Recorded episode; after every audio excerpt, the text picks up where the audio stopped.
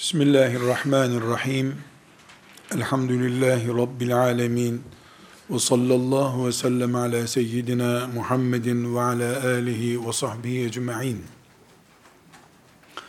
Peygamber aleyhisselam Efendimizin geleceğini haber verdiği, Mehdi aleyhisselamın beklenmesi yerine bir umut olarak ve Allah'ın izniyle ümmetimiz namına bir yatırım olarak mağaradan arşa yükselmiş ashab-ı kehfin bu asırdaki devamı onun izini süren, onların peşinden gidenlerin kopyaları olarak bu ümmetin gençlerine bir teklifte bulunmuştum. Demiştim ki siz saraylarınızdan mağaraya hicret edin, mağaradan da Allah'ın arşına doğru yükselin. Kimileri Mehdi aleyhisselamı sanki vazifesiymiş gibi bekleye dursun. Ben inşallah ölünceye kadar ve mezardan bana gelecek sevaplar ve bana gelecek iyi haberler açısından ümmetimin saraylardan mağaralara, mağaralardan da arşa yük, yükselen gençlerini bekleyeceğim inşallah. Bir nesil saraydan mağaraya, mağaradan arşa giden nesil olsun. O da bu ümmetin bu asırdaki gençleri olsun inşallah. Bunun için kuru bir temenni, boş bir beklenti yerine fiilen bu saray, mağara ve arş güzergahı fiilen nasıl gerçekleşir diye bir plan ve proje niteliğinde tekliflerde bulunmak istiyorum. Rabbimden yardımını ve tesirini halk etmesini niyaz ederek genç kardeşlerime Allah'ın lütfu ve inayeti ile bu ümmetin gençleri olarak bu ümmetin delikanlıları olarak arşın en son misafirleri olmaya hazır delikanlılar olarak neler yapmaları gerektiğinde tavsiyeler veya Kur'an'ımızın, sünnetimizin, bu ümmetin birikiminin neler gerektirdiğini hatırlatmaya gayret edeceğim. Rabbim konuşurken bana yardım etsin. Dinlerken amel ederken de genç kardeşlerime yardım etsin. Bunu biz mağara güzergahında ilkelerimiz olarak da adlandırabiliriz. Madem ashab-ı kiramı Allah önümüze örnek koyduğu namazı, orucu onlardan gördük. Madem ashab-ı kehfi de önümüze koydu, delikanlılığı onlardan öğrendik. Öğrenmemiz gerekiyor. Fatiha okumayı namazda ashab-ı kiramdan öğrendiğimiz gibi saraylardan mağaralara, mağaradan da arşa kadar yükselmeyi ashab-ı kehften Allah'ın izniyle öğreneceğiz. Burada güzel genç kardeşlerim, pek çok şey zikredebiliriz. Ayrıntılara girmeden size mağaraya giden güzergahı çok net bir şekilde gösterecek ilkelerden söz etmek istiyorum. Siz elbette namazı biliyorsunuz. Orucu biliyorsunuz. Kur'an okumayı biliyorsunuz. Belki de benden daha kuvvetli hafızlar olarak beni dinliyorsunuz. Belki yüzlerce hadisi şerifte biliyorsunuz. Benim de sizin de bahtınız mağaraya doğru yürüyen örnekleri az görüş görmüş olmamızdır. Bir İskilipli Atıf'ı, bir Hasan el-Benna'yı ne yazık ki gözlerimize göremedik. İnşallah o yürüyüş güzergahının ilkelerini konuşarak görmediğimiz halde görüyormuş gibi olacağımız hissiyatımızla Rabbimin lütfu ve keremiyle elbette bu mağara yolculuğuna çıkacağız inşallah. Birinci kuralımız, genç kardeşlerim, hayata, Dolayısıyla İslamlaştırmak istediğiniz hayatınıza kuş bakışı bakacaksınız. Hayatı, dünyayı, İslam'ı ve İslam'ın geleceğini kuş bakışı izleyemeyenler kesinlikle mağaraya doğru yürüyemeyecekleri gibi, saraydan çıkamayacakları gibi huşu içerisinde bir namaz kılmayı bile beceremeyebilirler. Birinci kanun hayata İslamlaştırmak istediğiniz hayatınıza Allah'ın rızasını kazanılacak vesile yapmak istediğiniz hayata kuş bakışı bakacaksınız. Kuş bakışı ne demektir diye ben sizi sözlüklere muhtaç etmeyeyim. Ama kuş bakışı ne demektir tarif edeyim. Baştan sona kadar görebilmektir. Baktığında çalışma alanını bütünüyle görebilmek, kuş bakışı görmek demektir. Kuşun gözü çok küçücük bir göz olduğu halde, buğday tanesinden daha küçük bir gözle gördüğü halde, bütün vadiyi görür. Göklerden bakıyor çünkü. Bunu bir mecazi anlam yükleyerek kullanıyorum. Bunu anlıyorsunuzdur şüphesiz. Ama ben izah etmek istiyorum. Hayata, İslamlaştırmak istediğiniz hayata, kuş bakışı bakacaksınız.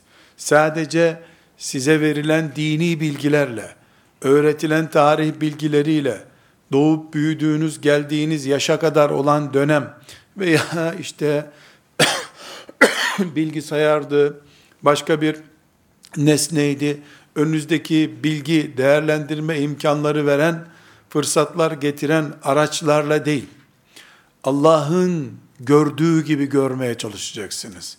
Peygamber aleyhisselamın haber verdiği gibi anlayacaksınız. Peygamber aleyhisselamın gününden en azından, hadi Adem aleyhisselamın gününden başlayamıyoruz. Peygamber aleyhisselamın gününden itibaren, bugüne kadar değil, bugünden sonrasını da görebilirseniz, saray terk edebilirsiniz.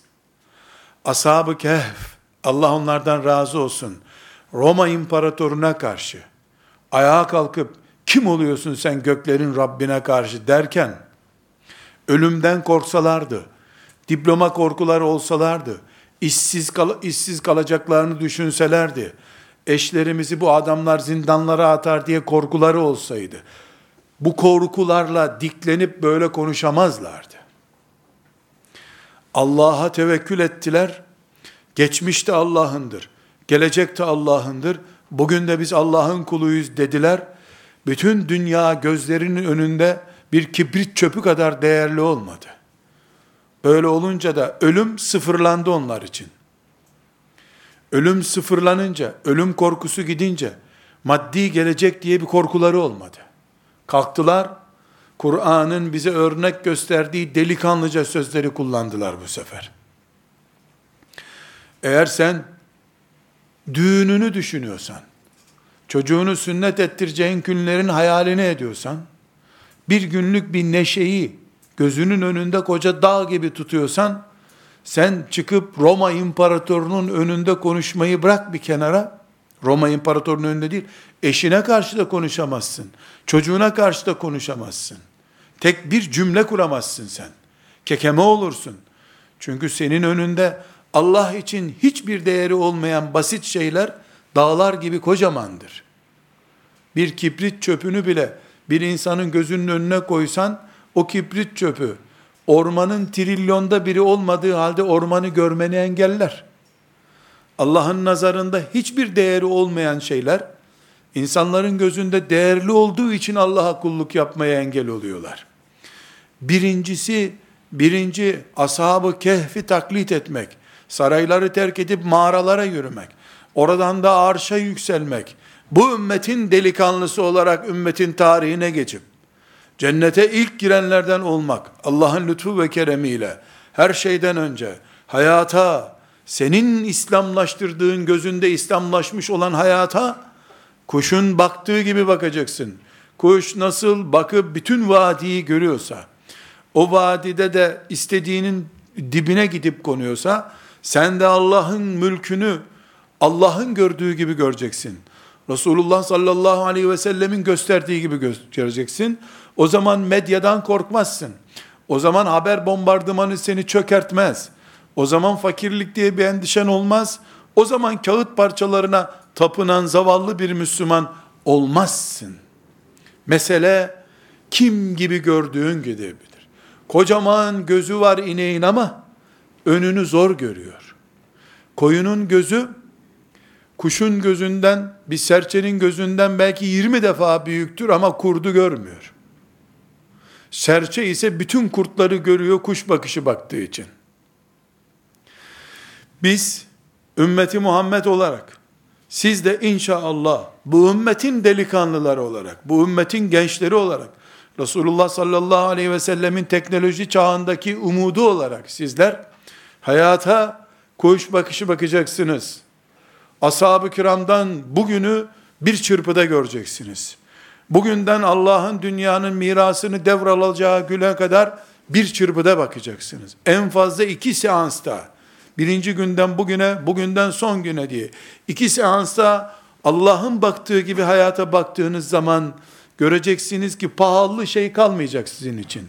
İsteyen Allah olduktan sonra vermekte tereddüt etmeyeceksiniz. Çok basit gelecek. Ashab-ı Kehf'in Allah onlardan razı olsun. Ebediyen razı olsun. Oldu da nitekim Kur'an'a yazıldılar. Onların becerdiği birinci şey buydu.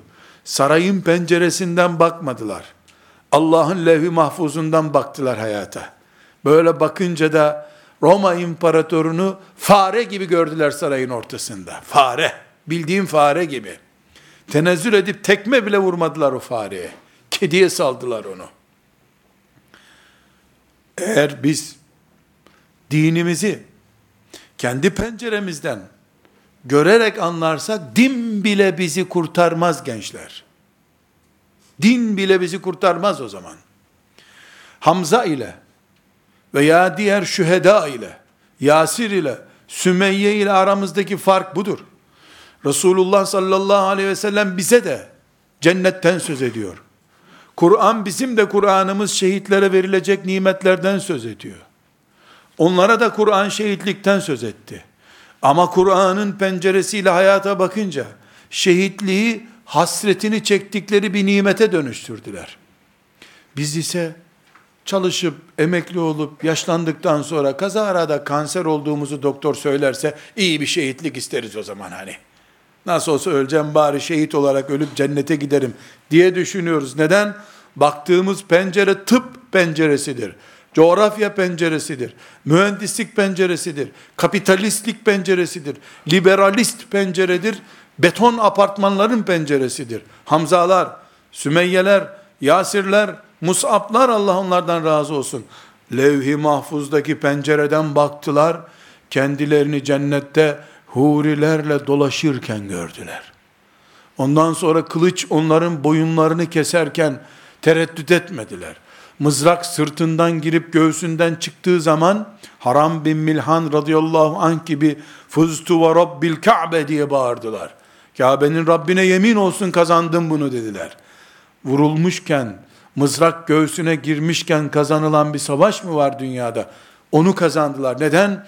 Bakış pencereleri kesinlikle Allah nasıl görüyorsa öyle gördükleri bir pencereydi. Şimdi bu önümüzdeki hayatları gençler, yaşadığınız hayatları siz kendi pencerenizden, kişisel menfaatlerinizden, iş, güç, çoluk, çocuk vesaire müstakbel endişelerinizden gördüğünüz sürece Allah'ın size gösterdiklerini göremeyeceksiniz. Peygamber aleyhisselamın gösterdiklerini göremeyeceksiniz. Kısır bir döngü içerisinde Belki camiye gideceksiniz, geleceksiniz. Ramazanlarda hatimler indireceksiniz. Afrika'da fakir Müslüman kardeşlerinize koliler göndereceksiniz belki. Ama hiçbir zaman Mus'ab, hiçbir zaman Hamza, hiçbir zaman Sümeyye, hiçbir zaman Ali, hiçbir zaman Ömer gözünüzün önünde taklit etmek için çırpındığınız örnekler olamayacak. İmrendiğiniz, kıskandığınız kimseler olacak, taklit etmek istediğiniz olamayacak. Bakış penceresi çok önemli.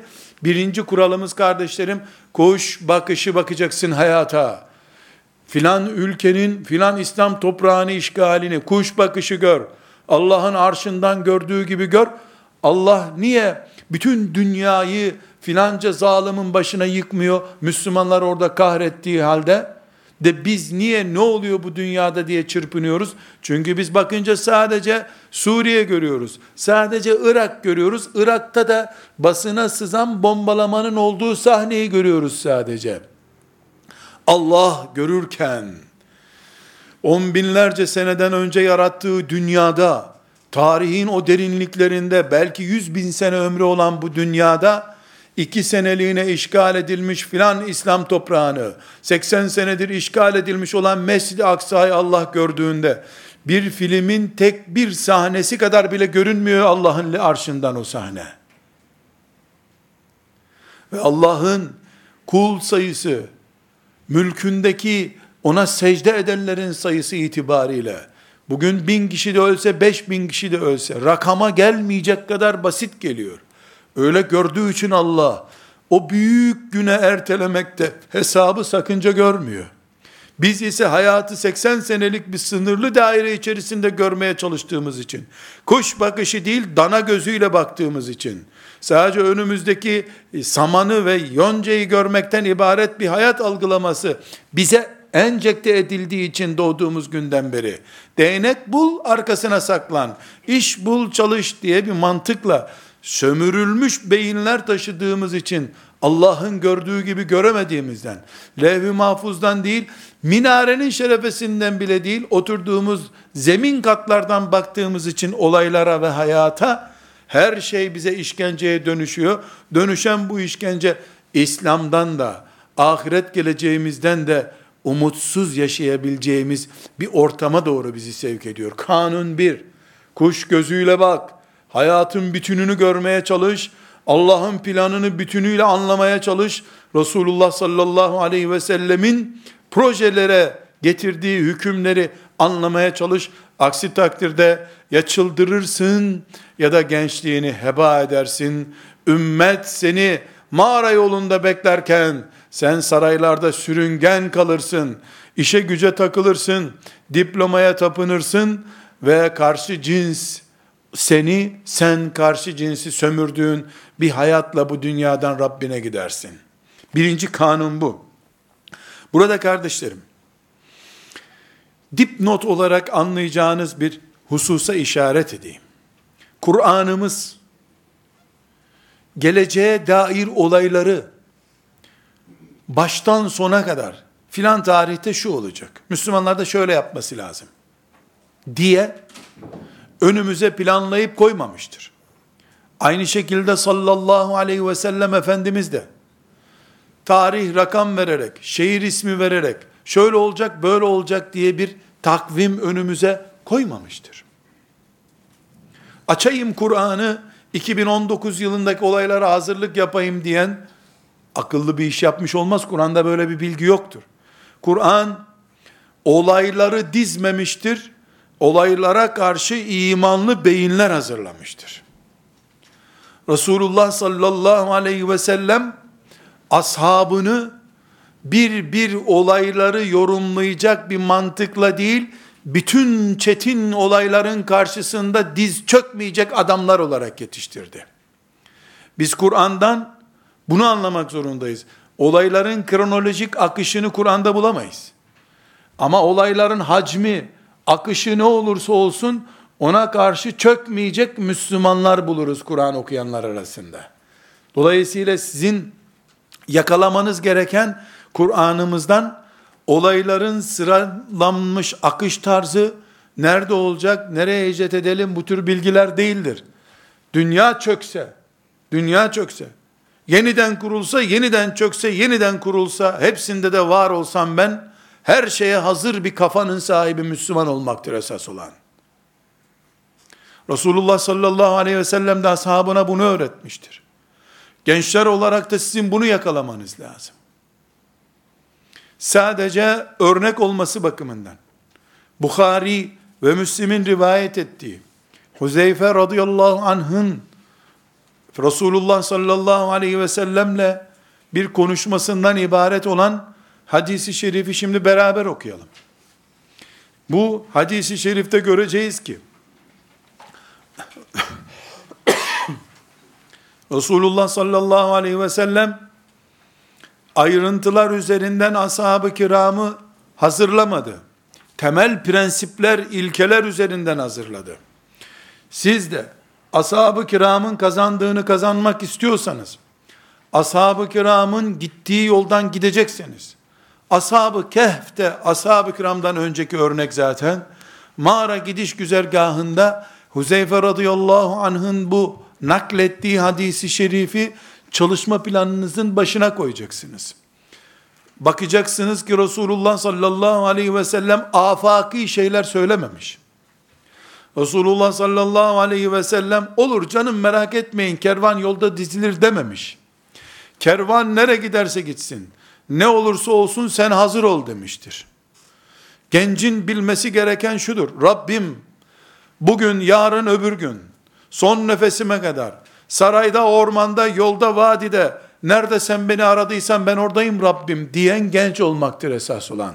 Sen ben nerede istiyorsan oradayım ya Rabbi dediğin gün, Melekler buna şahit olduğu zaman, sabah namazında bunu ispat ettiğin zaman, öğle namazında bir kere daha ispat ettiği zaman, yatsı namazında vitri kıldığın zaman yatsıdan sonra, وَنَخْلَعُ وَنَتْرُكُ مَنْ يَفْجُرُكْ deyince, sana isyan eden kim olursa olsun, attım gitti ya Rabbi deyip yatağa girdiğin zaman, Allah bunu görünce bir gün, üç gün, kırk gün, elli gün, sen ashab-ı kehf oldun zaten. Sen yoldasın, Allah'ın izni ve keremiyle sen mağaraya doğru gidiyorsun. Ondan sonraki durağın da hiç tereddüt etmeden bilesin ki arş-ı aladır. Allah'ın arşına doğru gidiyorsun sen. Biiznillahü teala. Şimdi hadisi şerifi notlar tutarak, zihnimizden nakışlar yaparak dinleyelim. Neyi anlatmaya çalışıyorum kardeşim? Huzeyfe genç bir adamdı.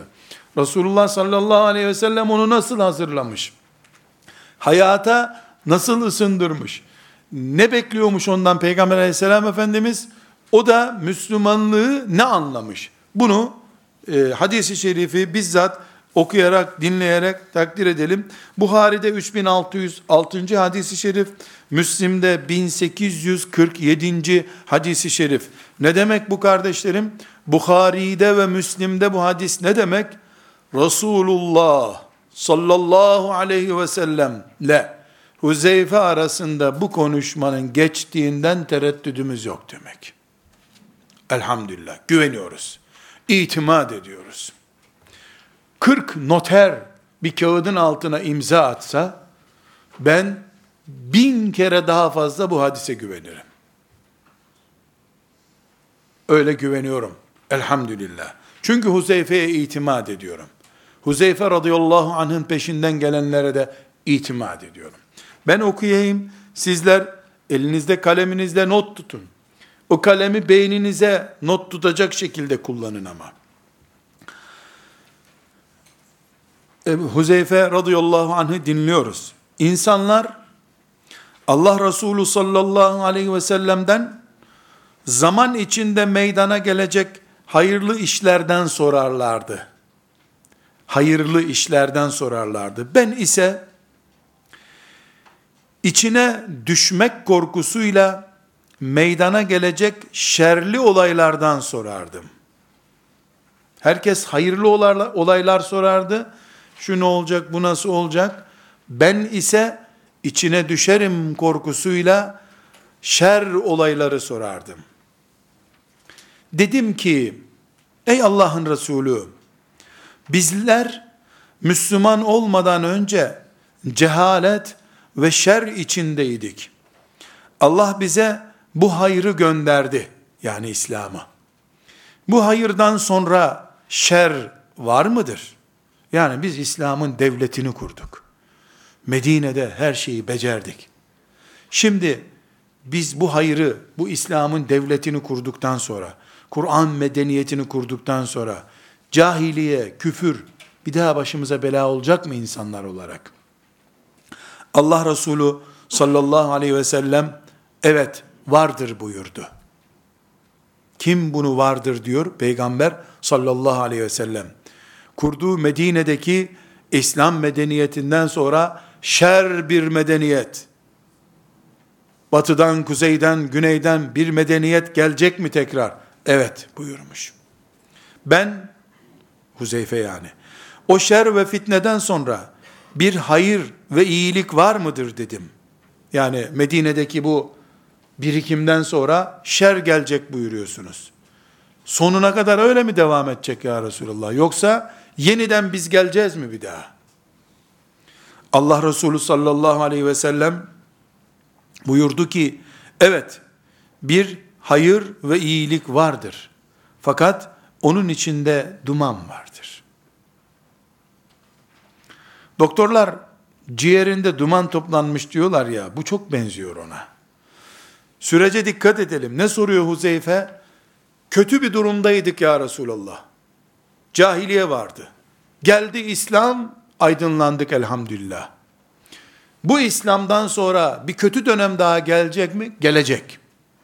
Peki ya Resulallah, o kötülük kalacak mı? Yoksa tekrar İslam gelecek mi? Tekrar gelecek İslam. Tekrar var ama bir dumanlanma da var.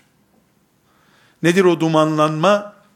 O Medine'deki saf, Hamza kalitesi, Ebu Bekir kalitesi yok artık. Dumanlı, sisli bir havada ama İslam tekrar gelecek. Ben onun dumanı nedir diye sordum. Yani dumandan söz ediyorsun ya Resulallah. Mecazi bir deyim bu. Allah Resulü sallallahu aleyhi ve sellem şöyle buyurdu. O topluluk yani o dumanlı dönemin topluluğu insanları benim sünnetim dışında idare edeceklerdir. Sen onların bazı karakter, hareketlerini dine uygun, bazılarının ise muhalif olduğunu görürsün. Ayrıntılara girmemize gerek yok. Tekrar İslam geldi. Bir dönemler krallıkla geldi, bid'atlerle geldi. Harama esnek davranılarak geldi. Medine kalitesinde gelmedi. Tekrar gelmiş demek ki. Ben dedim ki bu hayırdan sonra yani bir daha geldi dumanlı geldi. Ondan sonra şer gelecek mi? Allah Resulü sallallahu aleyhi ve sellem şöyle buyurdu. Evet, şer tekrar gelecek. Cehennem kapısına da çağıran davetçiler olacak. Her kim onlara icabet ederse onu cehenneme atacaklar. Cehenneme davet eden ne demek biliyor musunuz kardeşlerim? Müslümana batı medeniyetini övmek demek. Şeriat düşmanı Müslüman yetiştirmek demek kadını Allah'ın ezdiğini, Kur'an'ın ezdiğini, peygamberin ezdiğini söyleyip tesettürlü olduğunu zannettiği halde Allah düşmanı, peygamber düşmanı kadın yetiştirmek demek. Onlarca örnek bulabiliriz. Camide namaz kılarken, Kadir gecesi dua ederken bile Allah şeriatçıların şerrinden bizi korusun diyen adam demek. Dar bir mesele olarak kullanıyorum tabii bunu. Ben dedim ki, ey Allah'ın Resulü, o davetçileri bize tanıt. Kim bu cehenneme tanıt, çağıracak adamlar? Allah Resulü sallallahu aleyhi ve sellem şöyle buyurdu. Dikkat ediniz. Allah Resulü o cehenneme çağıran adamları tarif ediyor. Onlar bizim milletimizden olan ve bizim dilimizle konuşan insanlardır. İçten büyümüş bir mantar tehlikesinden söz ediyor. Ben dedim ki, Ey Allah'ın Resulü, şayet o zamana ulaşırsam, bana ne yapmamı emredersin? Allah Resulü sallallahu aleyhi ve sellem şöyle buyurdu. Müslümanların cemaatinden ayrılma ve onların siyasi imamlarına itaat et. Şayet Müslümanların cemaati ve bir imamı olmazsa ne yapayım? Buradaki cemaat ve imam camideki cemaat ve cami imamı değil, siyaseten bir arada duran Müslümanlardan kastediliyor. Onların liderine de imam deniyor. Asıl imam odur zaten. Buyurdu ki Allah Resulü sallallahu aleyhi ve sellem, o zaman o grupların hepsinden ayrıl ve azı dişlerinle bir ağacın köklerine sarıl. Bu durum senin ölümüne kadar da olsa sen bu hal üzere devam et.'' Ne demek? Parçalanmış Müslümanlardan olma. Siyaseten bir araya gelememiş Müslümanlardan olma. Bu hadisi şerif Bukhari'den ve Müslim'den alıntı. Yüzde yüz sahih hadis-i şerif. Elhamdülillah. Uzun uzun düşünmeye gerek yok. Birer kelime ile hadisin cümlelerini dizelim. Hadis ne diyor? Hayır var, şer olacak, hayır olacak, şer olacak, hayır olacak, şer olacak, parçalanacak insanlar siyaseten bir arada durabildiği sürece Müslümanlar sakıncası yok devam et. Siyaseten bir arada duramıyor. Küfrün karşısında tek millet olamıyorsa Müslümanlar bir vadiye çekil, bir ağacın köklerini yiyerek yaşama pahasına da olsa gruplardan birine girme. Genç, genç kız ve genç delikanlı, ümmeti Muhammed'in adamı ol. Bir grubun, bir kliğin, bir şahsın, bir yazarın, bir hocanın, bir aydının, bir karanlıkçının kimse, bir vakfın, bir derneğin senin ekmeğini kaymağını yediği bir mantıkla bulunduğun sürece Huzeyfe radıyallahu anh'ın korktuğu tehlike senin üzerinde gerçekleşiyor demektir. Varlığın ümmeti kaldırsın.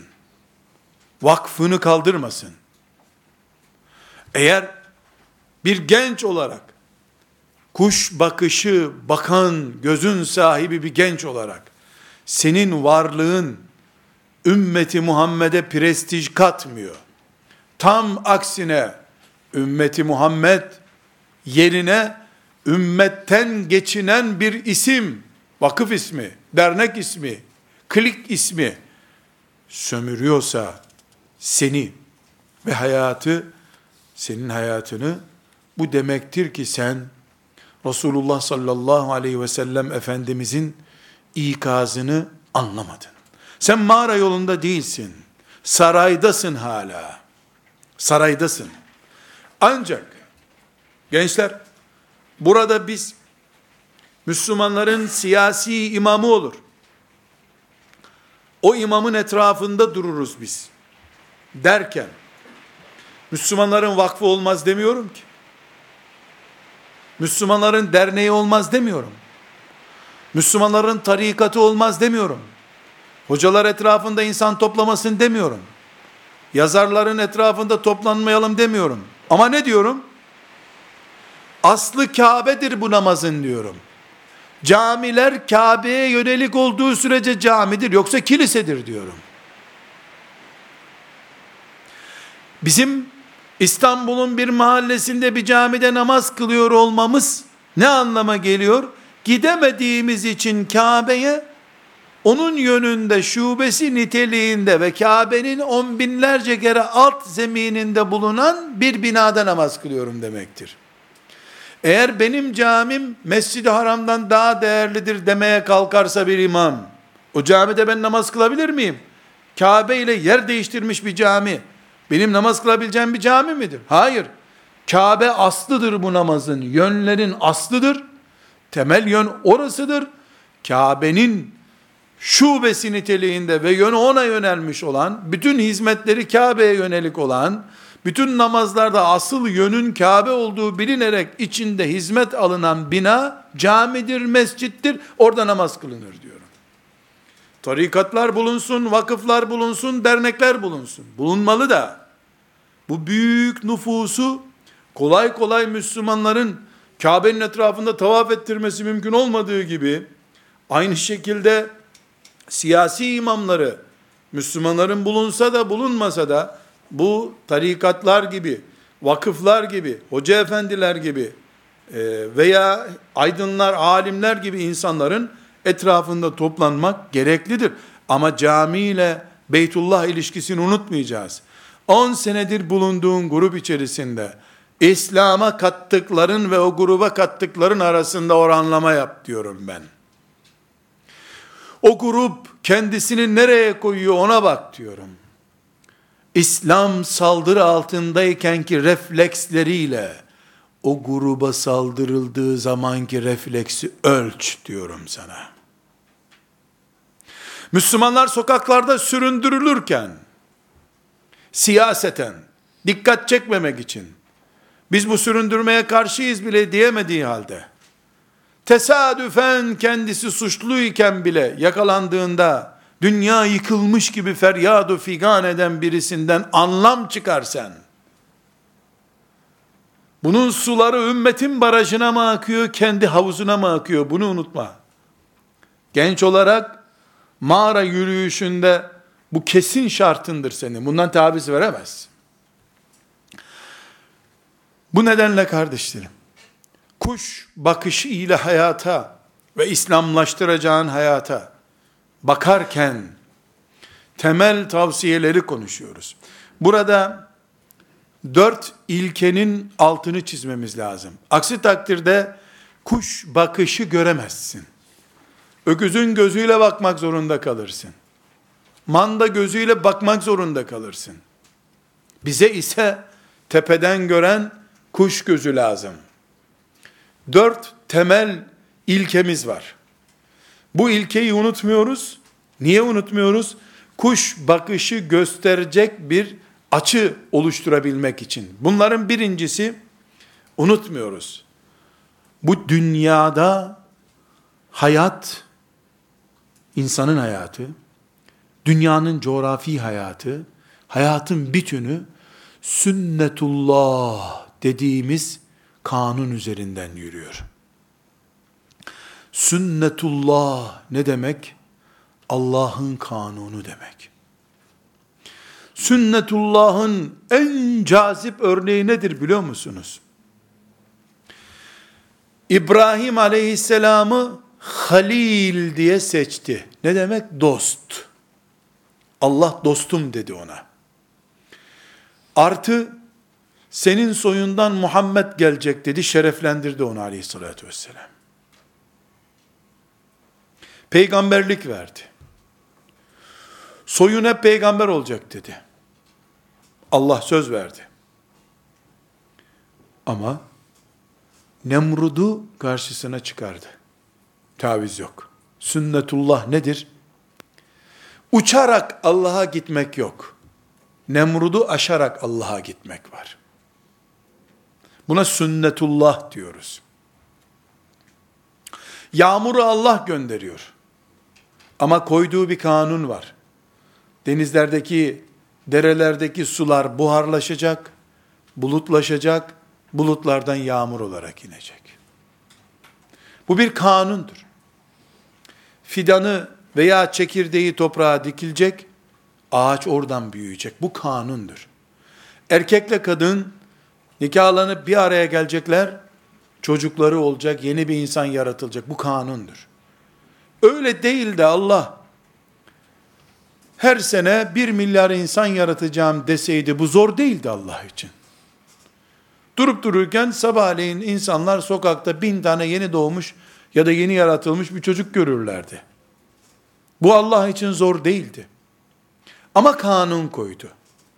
Nedir o kanunu? Anne baba birleşirse çocuk olacak. Dolayısıyla Allah kudretini ve hükümlerini koyduğu sünnetullah dediğimiz kanunlarla uyguluyor. 300 yıl o gençleri dirilteceğini Allah o gençlerin yaratılmasından belki milyon sene önce kaderine yazmıştı.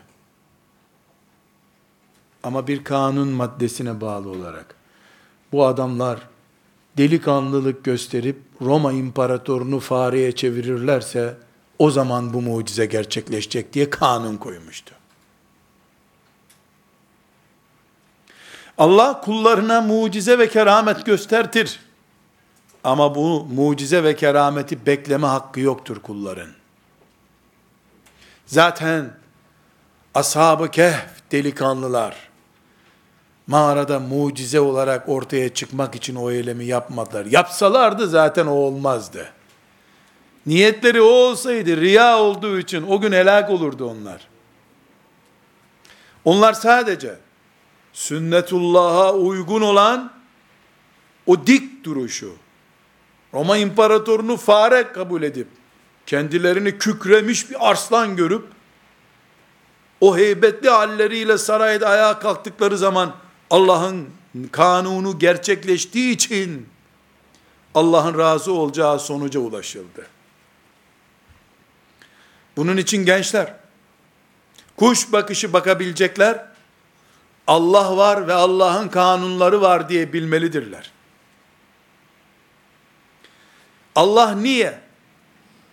Cenneti herkese vaat ettiği halde, ibadet kalitesiyle büyümüş gençlere arşın gölgesini vaat ediyor.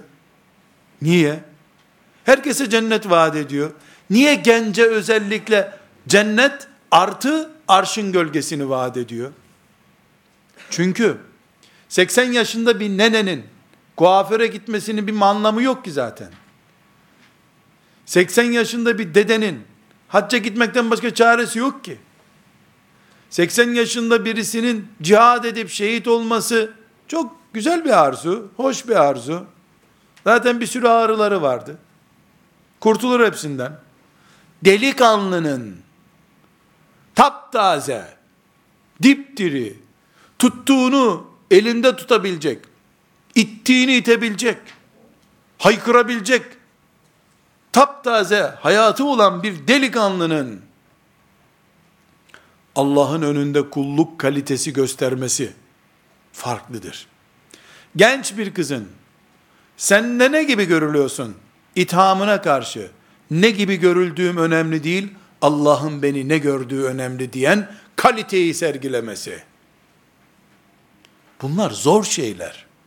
Bunu becerene Allah'ın vaadi var. Dağ yolundan mağaraya yürümek kolay değil. Otomobille mağaraya çıkılamaz. Helikopterle bile inemezsin oraya sen. Mağaraya tırmanmayı becerebilenler çıkar. O tırmanış, tırnaklarınla kayalara tutunup çıkış var ya, işte sünnetullah'a uymak odur. Böyle görebilen belli bir oranda hayatı tanıyor, Allah'ı anlamış, geleceği yakalamış demektir. Bir bu. İki,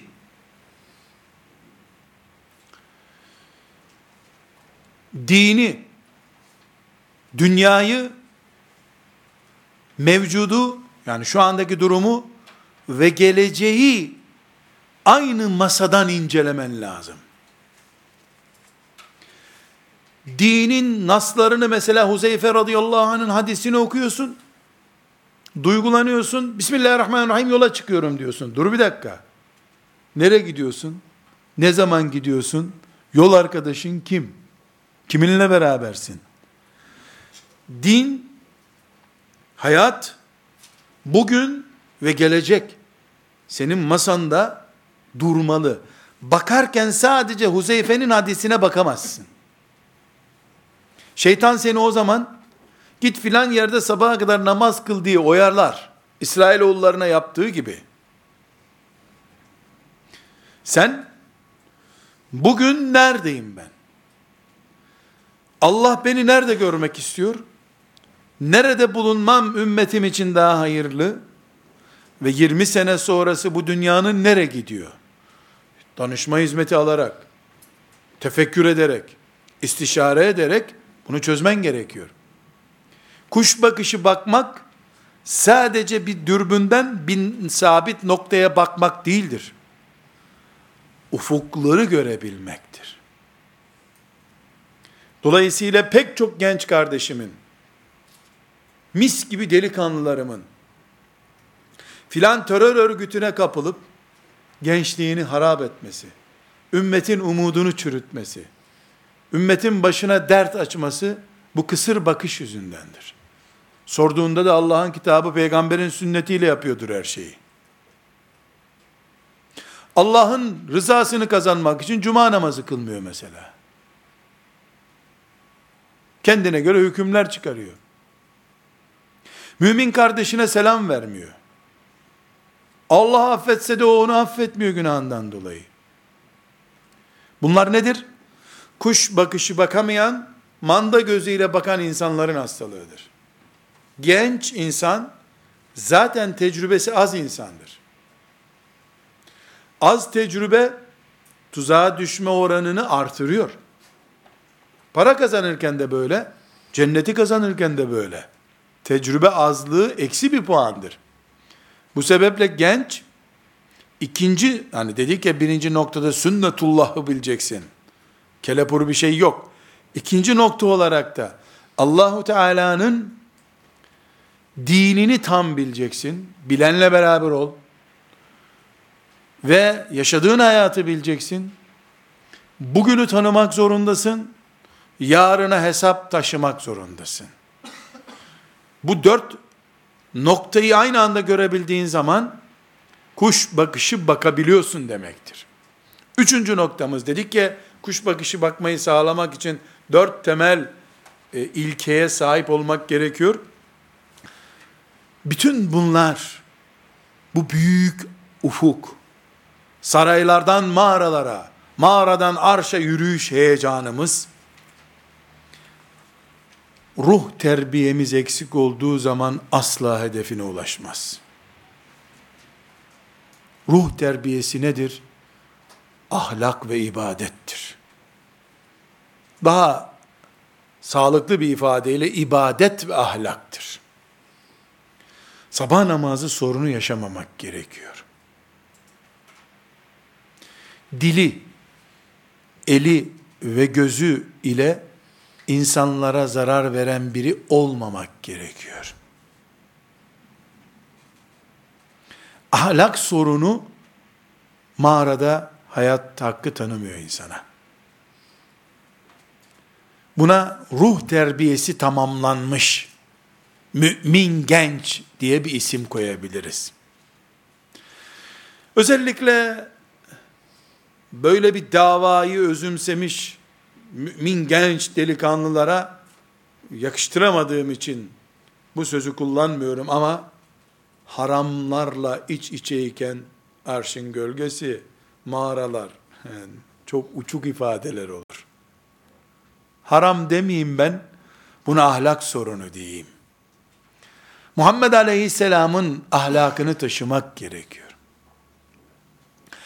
Ashab-ı Kehf, Allah onlardan razı olsun. Sarayı terk ettiklerinde hırsızlıkla itham edilmediler. Dava adamlığıyla itham edildiler. Sarayda yolsuzlukları vardı, onun için kaçtı, kimse demedi onlar için. Mümin genç olarak, ahlak ve ibadette bir kalite tutturacağız.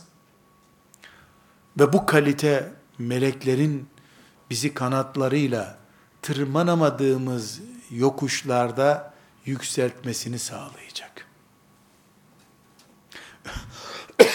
Üçüncü noktamız bu. Tekrar ediyorum. Kuş bakışı bakacağız dedik. Mağaraya yürüyen genç olmak için. Kuş bakışı bakmak için de bize dört ilke lazım dedik.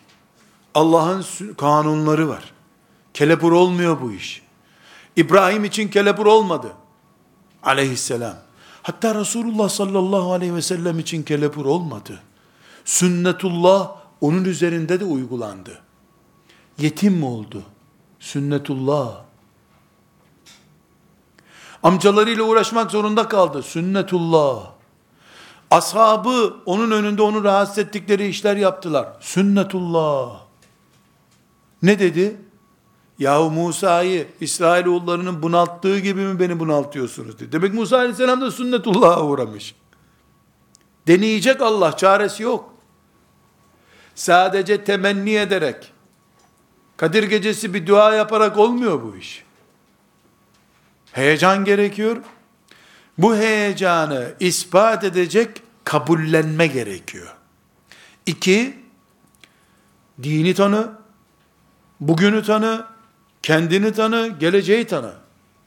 Başka türlü bir pencereden bakarsın, sağ gözle görürsün sadece, sol perspektifi görmediğin için yanlış görmüş olursun. Tamamını görmen gerekiyor kuş bakışı görebilmek için. Üçüncü olarak da ibadet ve ahlak sorunu yaşamamalısın ki gittiğin yerde melekler sana hoş geldin desin. Ve Dördüncü olarak da kardeşlerim, pusulasız mağaraya gidemez. Bir pusula kullanmak zorundasın. Pusula nedir? Birbirini izleyen üç şeydir pusula. Kur'an, sünnet, sevad-ı azam.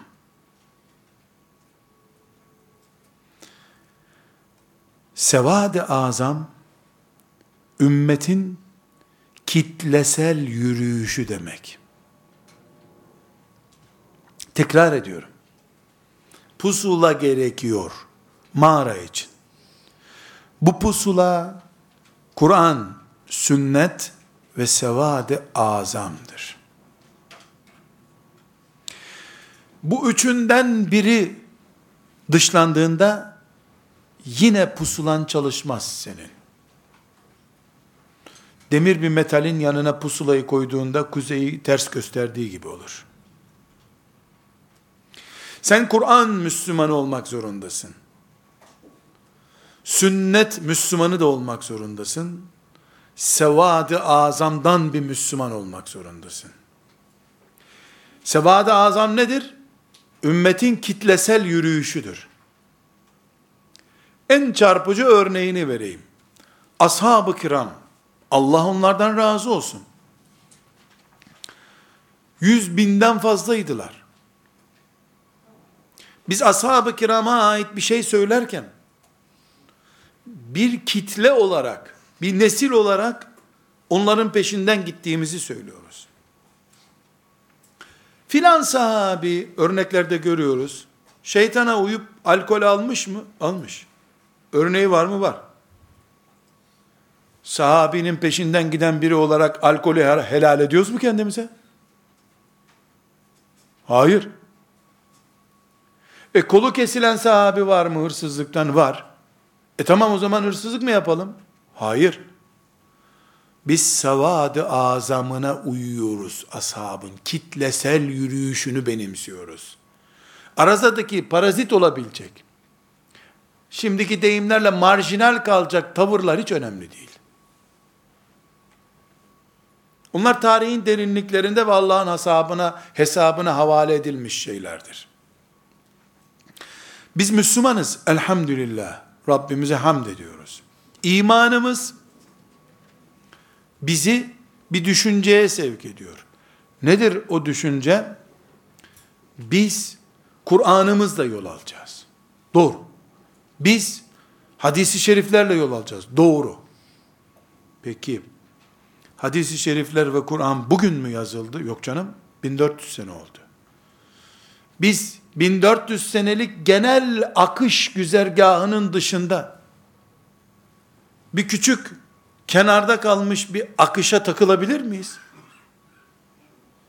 Takıldığımız zaman kitlesel yürüyüşün dışında, kervanın dışında kalırız.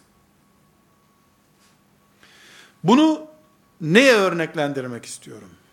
Genç mümin mağaraya doğru yol alırken birisi onun gençlik ve heyecanından istifade edip onu kullanıp kullanmadığını bilmek zorundadır. Aksi takdirde mağaraya gidiyorum derken denize düşer. Nedir o? Ashab-ı kiram kitlesel olarak Allah'a yürümüş insanlardırlar. Tabi'in nesli Allah'a yürümüş insanlardır. Ebu Hanife ve emsali olan binlerce müştehit Allah'a yürüdüklerine bütün müminlerin şahit olduğu insanlardır. Onların bir kitlesini değil de, onların takviminde bulunmayan bir çalışma planıyla, bugün arşa doğru yürüyüş yapılamaz. Bu marjinal harekettir. Bu büyük konvoyun döküntülerine takılıp kalmaktır. Ümmet 1400 senedir. Büyük bir yürüyüş içerisindedir. Belki milyarlarca 10 milyar Müslüman Allah'a yürümüştür ümmeti Muhammed'den birisi olarak. Bu yürüyüşte dökülenler oldu. Hariciler döküldü. Mutezililer döküldü. Pek çok dökülenler oldu. Batiniler dökündü. İsmaililer dökündü. Bir sürü dökülenler var. Dökülmüşlerden birine takılıp kalmak başka şey, bu büyük konvoyla yürümek başka şeydir. Onun için diyoruz ki, Kur'an'la yürümek, Resulullah'ın sünnetiyle yürümek, ancak yürüyenlerin kitlesel akışı üzerinden yürümekle mümkündür. Birisi bana çıkıp da diyebilir mi ki, e ben bütün bunları nasıl keşfedeyim? Ona derim ki, bu kadar basit bir şeyi bile anlayamıyorsan, sen mağara yolcusu değilsin zaten. Biz mağara yolcularını saraylardan mağaralara, oradan da arşa yürüyecekleri, bu kadar bir şeyi anlayabileceklerden seçer Allah diye umuyoruz. Bu ümmetin genel gidişatını, 14 asırlık gidişatını sapık, yanlış, eksik bulmak, bugüne kadar gelmemiş bir İslam iddia etmektir. Yeni bir peygamber gelmedikçe de bunu kimse iddia edemez. Yeni peygamber de yok. Bugünden itibaren doğrusunu başlattım Müslümanlığın nasıl diyeceksin sen? İslam'ın doğrusu bugünden başlamaz. O gün başlamıştı, bugüne kadar geldi elhamdülillah. Gelmese kimse Kur'an bulamazdı.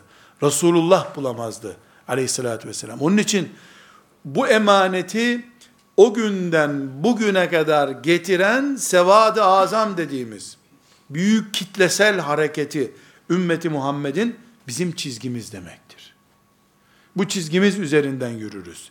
Bu arada mesela İbn Rüşd diye birisi Endelüs'te şöyle bir çizgi çizmiş. İbn Rüşd kitlesel boyutun içinde mi kalıyor? Bireysel boyutun içinde mi kalıyor? Bireysel boyutta kalıyor. Allah'la arasındaki bir iş o. Selamun aleyküm. Yolumuza devam ediyoruz. Ama gençliğin en önemli sorunlarından biri ki bu dördüncü maddeyi buraya kaydediş nedenim odur. Parazit yapmaktan hoşlanır gençler. Evde sofraya geç oturmaktan hoşlanır, erken oturmaktan hoşlanır. Dikkat çekmek için zıtlıklar yapar. İslam ve mağara yürüyüşü iddiasında da iblis gencin bu zafiyetini kullanabilir. Daha parazit sesler çıkaranların Allahu Ekber peşinden gidelim deyip gençliğini heba edebilir. Mağara yolculuğumuz çetindir ve çok uzundur. Enerji israf edeceğimiz bir mecal değildir.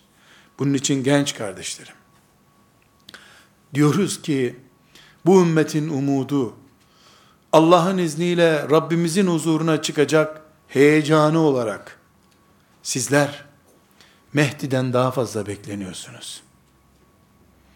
Mehdi aleyhisselama çok uzun zaman olabilir. Ama ümmet bugün size muhtaçtır. Mehdi'ye kadar olan boşluğu siz doldurmak zorundasınız. Bunun için de birinci sizden aranan şart, kesinlikle hayata, İslamlaştıracağınız boyuta kuş bakışı bakacaksınız. Bireysel ve dar açılar sizi yanlış yönlere sevk edecektir. ve sallallahu ve sellem ala seyyidina Muhammed ve ala alihi ve sahbihi ecma'in velhamdülillahi rabbil alemin.